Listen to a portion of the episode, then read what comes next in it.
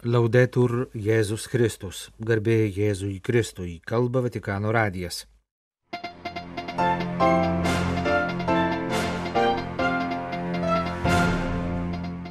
Lietuvos vyskupai buvo susirinkę į vyskupų konferencijos plenarinį posėdį.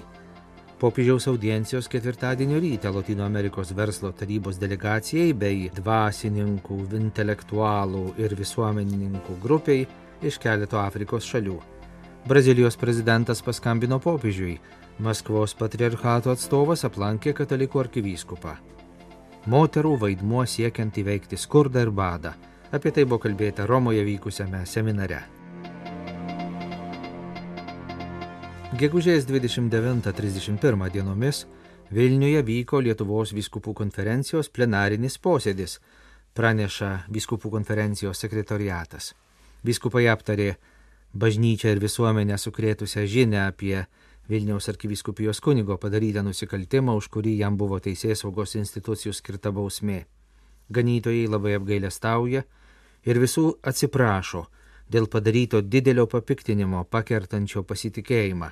Vyskupai yra pasiryžę bendradarbiauti su teisės saugos institucijomis ir kompetitingais specialistais, kad būtų kiek įmanoma užkirstas kelias panašiems nusikaltimams, tinkamai ir operatyviai reaguojama į gautus pranešimus, pagelbstima aukoms ir padedama nusikaltusiems prisijimti atsakomybę, sakoma Vyskupų konferencijos sekretoriato informacinėme pranešime.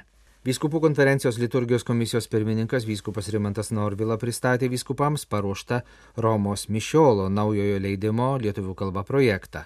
Toliau posėdėje svarstyti kunigų seminarijų ir Vilniaus teologijos instituto reikalai, dalytasi nuomonėmis apie diekonato šventimo organizavimą, tradicinę šeštakursių pilgrimystę į Romą. Vyskupų konferencijos nariai aptarė bažnyčios ir valstybės santykių klausimus, kai kurių katalikiškų žiniasklaidos priemonių situaciją. Vyskupų konferencijos delegatas užsienio lietuvių sielovada ir kivyskupas Lionginas Virbalas pristatė užsienio lietuvių katalikų bendruomenių ir jų sielovados padėtį. Taip pat šiemet įkurto užsienio lietuvių sielovados centro veiklą.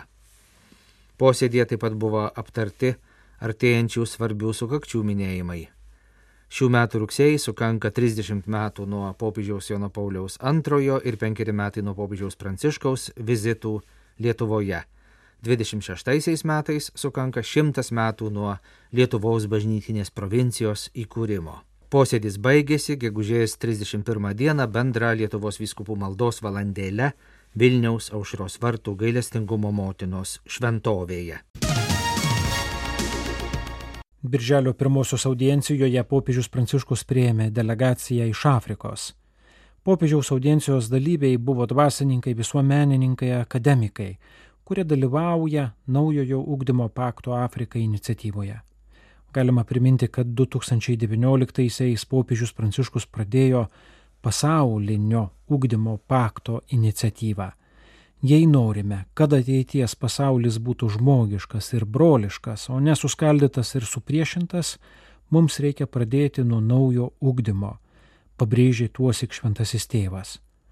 Kongo viskupų konferencija, Tarptautinė religijų ir visuomenių asociacija bei Kinčasos katalikiškas universitetas surengė tarptautinį simpozimą apie tai, ką šis kvietimas reiškia Afrikos kontekste.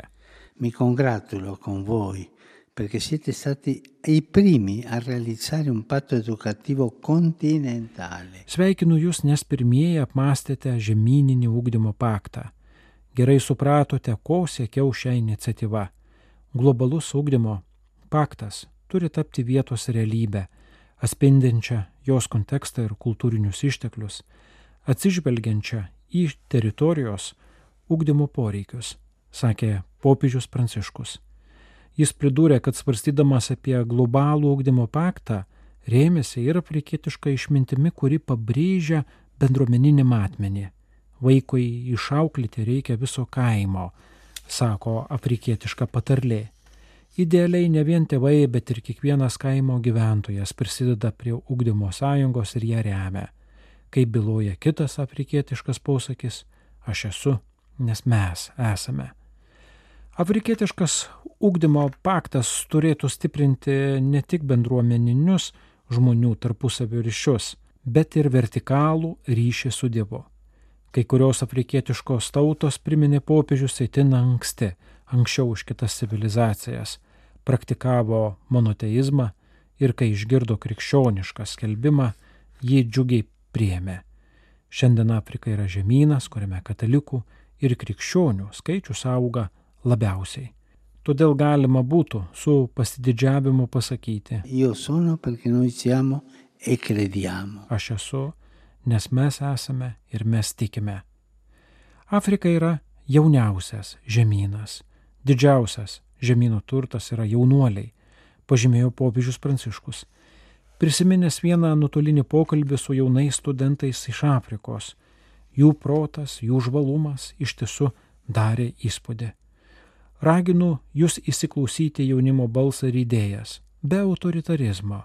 Šventoji dvasia kalba ir per juos, ir esu tikras, kad jie pasiūlys gražių bei stebinančių dalykų, sakė popiežius Pranciškus, audiencijos dalyvius ragindamas jaunuolių ūkdymoje atiduoti geriausias jėgas. Į Afriką žvelgiame su dideliu pasitikėjimu, nes ji turi viską, ko reikia, kad taptų žemynų, galinčių lemti ateities kelius. Turiu galvoje ne tik didžiulius naudingųjų iškasenų išteklius, ekonominę pažangą ar taikos procesus, bet ypač švietimo išteklius, tradicinės Afrikos ūkdymo vertybės, ypač svetingumo, prieimimo, solidarumo vertybės, kurios puikiai dera su ūkdymo paktu. Krikščionybė susilieja su geriausia kiekvienos kultūros dalimi ir padeda ištyrinti tai, kas nėra iš tiesų žmogiška, tad ir nedieviška, tęsė Pranciškus. Jis linkėjo remtis daugybės afrikiečių mąstytojų bei ugdytojų mintimis, įvairiais Afrikos žemynė dirbusių misionierių pavyzdžiais. Nelsonas Mandela, suvienijęs apartheido padalintą šalį, buvo įsitikinęs, jog švietimas yra galingiausia priemonė pasauliui keisti.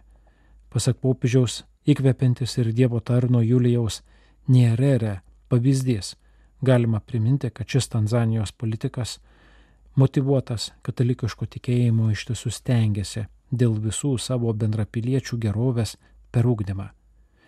Afrikoje tikrai atsiras naujovių, pakartojo popiežius. Ugdymo paktas turi dvi šaknis - tradicinę kultūrą ir krikščionišką tikėjimą. O jei, kaip sako dar viena afrikietiška patarlė, šaknis yra gilios, nėra ko bijoti vėjų ir audrų. Ačiū už jūsų darbą ir viliuosi, kad po Afrikos ugdymo pakto pasirodys kitų žemynų paktai, sakė popiežius delegacijai iš Afrikos. Birželio pirmąją popiežius priėmė Lutino Amerikos verslo tarybos delegaciją. costa tergiversa nuestras relaciones.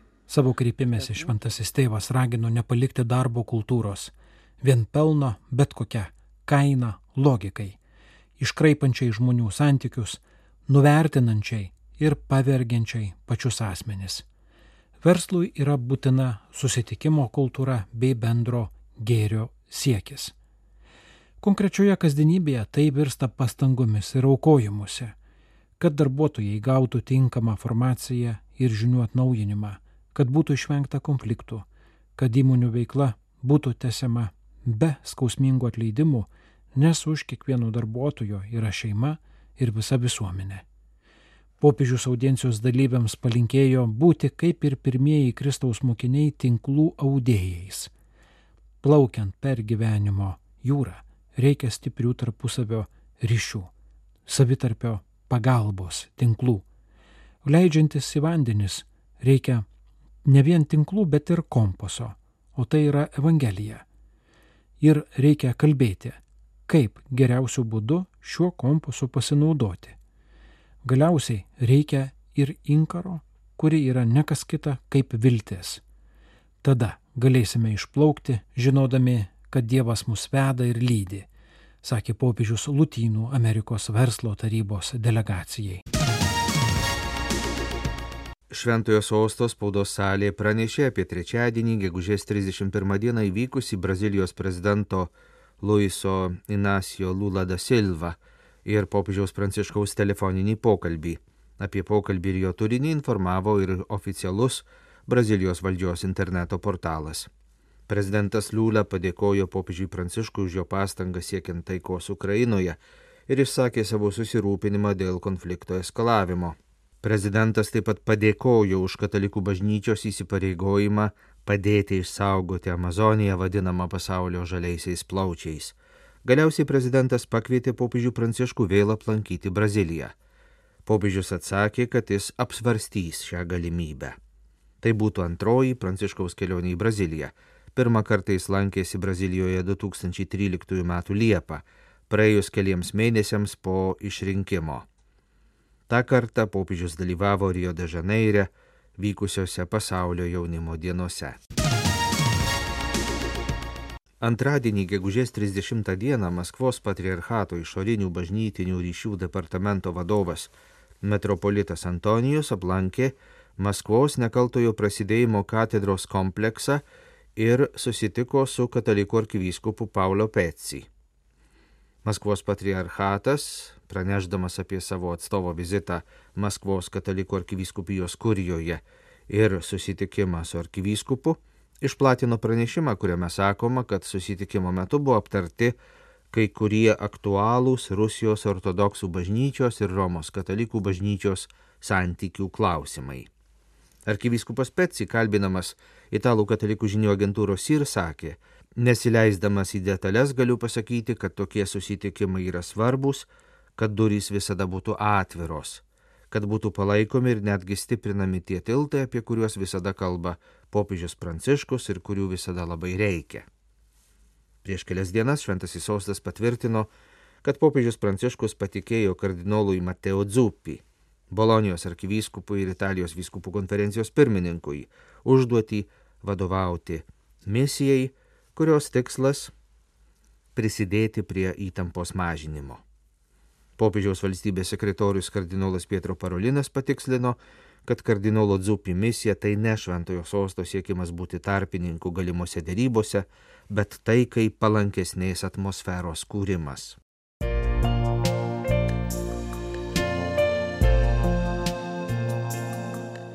Jūs klausotės Vatikano radio. Tęsėme žinių laidą lietuvių kalba.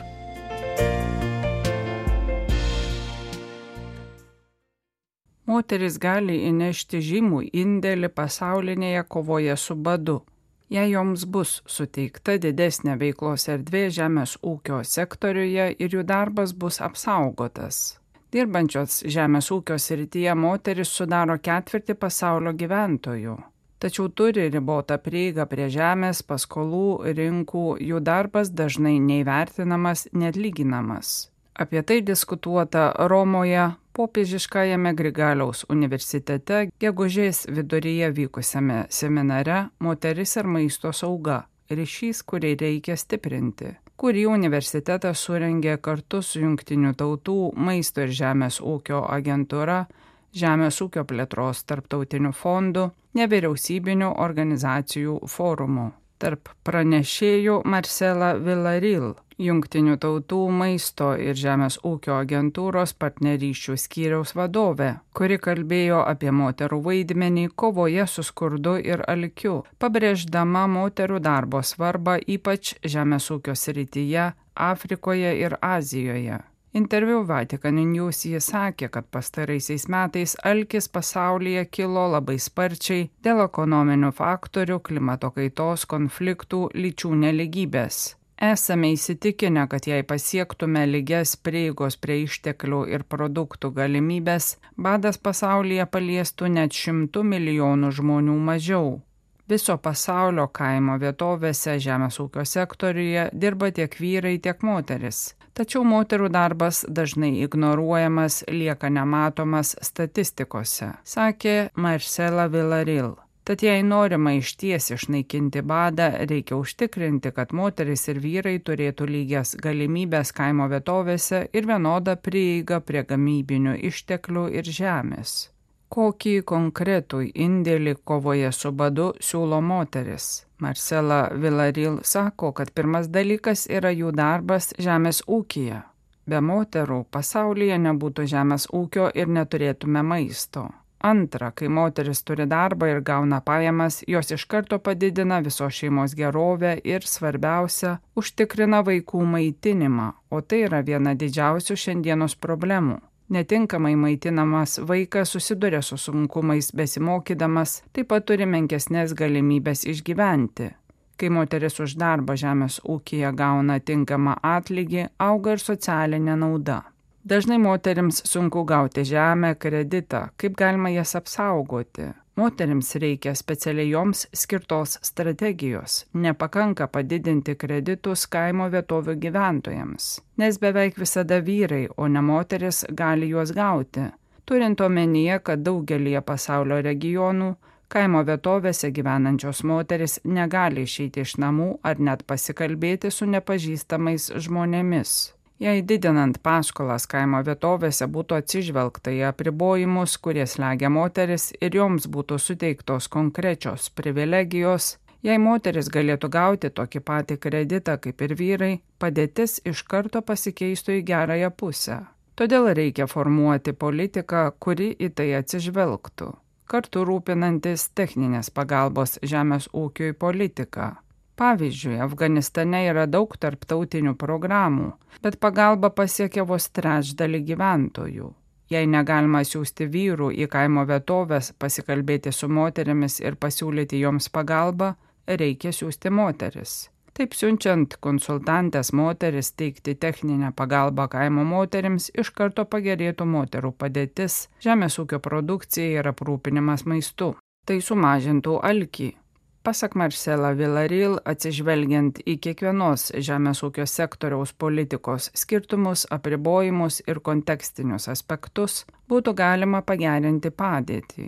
Moterų įgalinimui skiriama daug maisto ir žemės ūkio organizacijos projektų. Moteris taip pat turi galėti išsakyti savo nuomonę, konsultuotis, išsakyti savo poreikius, kad būtų sukurta geresnė politika siekiant suteikti lygią prieigą moteriams ir vyrams prie išteklių. Kuriuose šalyse moteris patiria daugiausiai sunkumų ir kuriuose maisto ir žemės ūkio organizacija susiduria su didžiausiomis kliūtimis. Maisto ir žemės ūkio organizacijos atstovė paminėjo Afganistaną, kur Talibanas uždraudė moteriams dirbti. Ne tik Afganistano moterims, bet ir toms, kurios dirba nevyriausybinėse organizacijose, kurios teikia pagalbą. Be to yra kitų šalių, kuriuose šių kliūčių nėra, bet yra politika, kuri nepalanki moteriams. Beveik visų šalių konstitucijose kalbama apie lygybę tarp piliečių Kai kurie įstatymai garantuoja vienodas galimybės gauti žemę, tačiau realybėje taip nėra. Yra šalių, kuriuose nepripažįstama moters vaidmens svarba, kuriuose tiesiog nėra jokios pagalbos. Visose šalise yra kliūčių ir sunkumų, ypač Afrikos ir Azijos žemynuose. Yra neligybės, kurias reikia ištaisyti taikant atitinkamą politiką.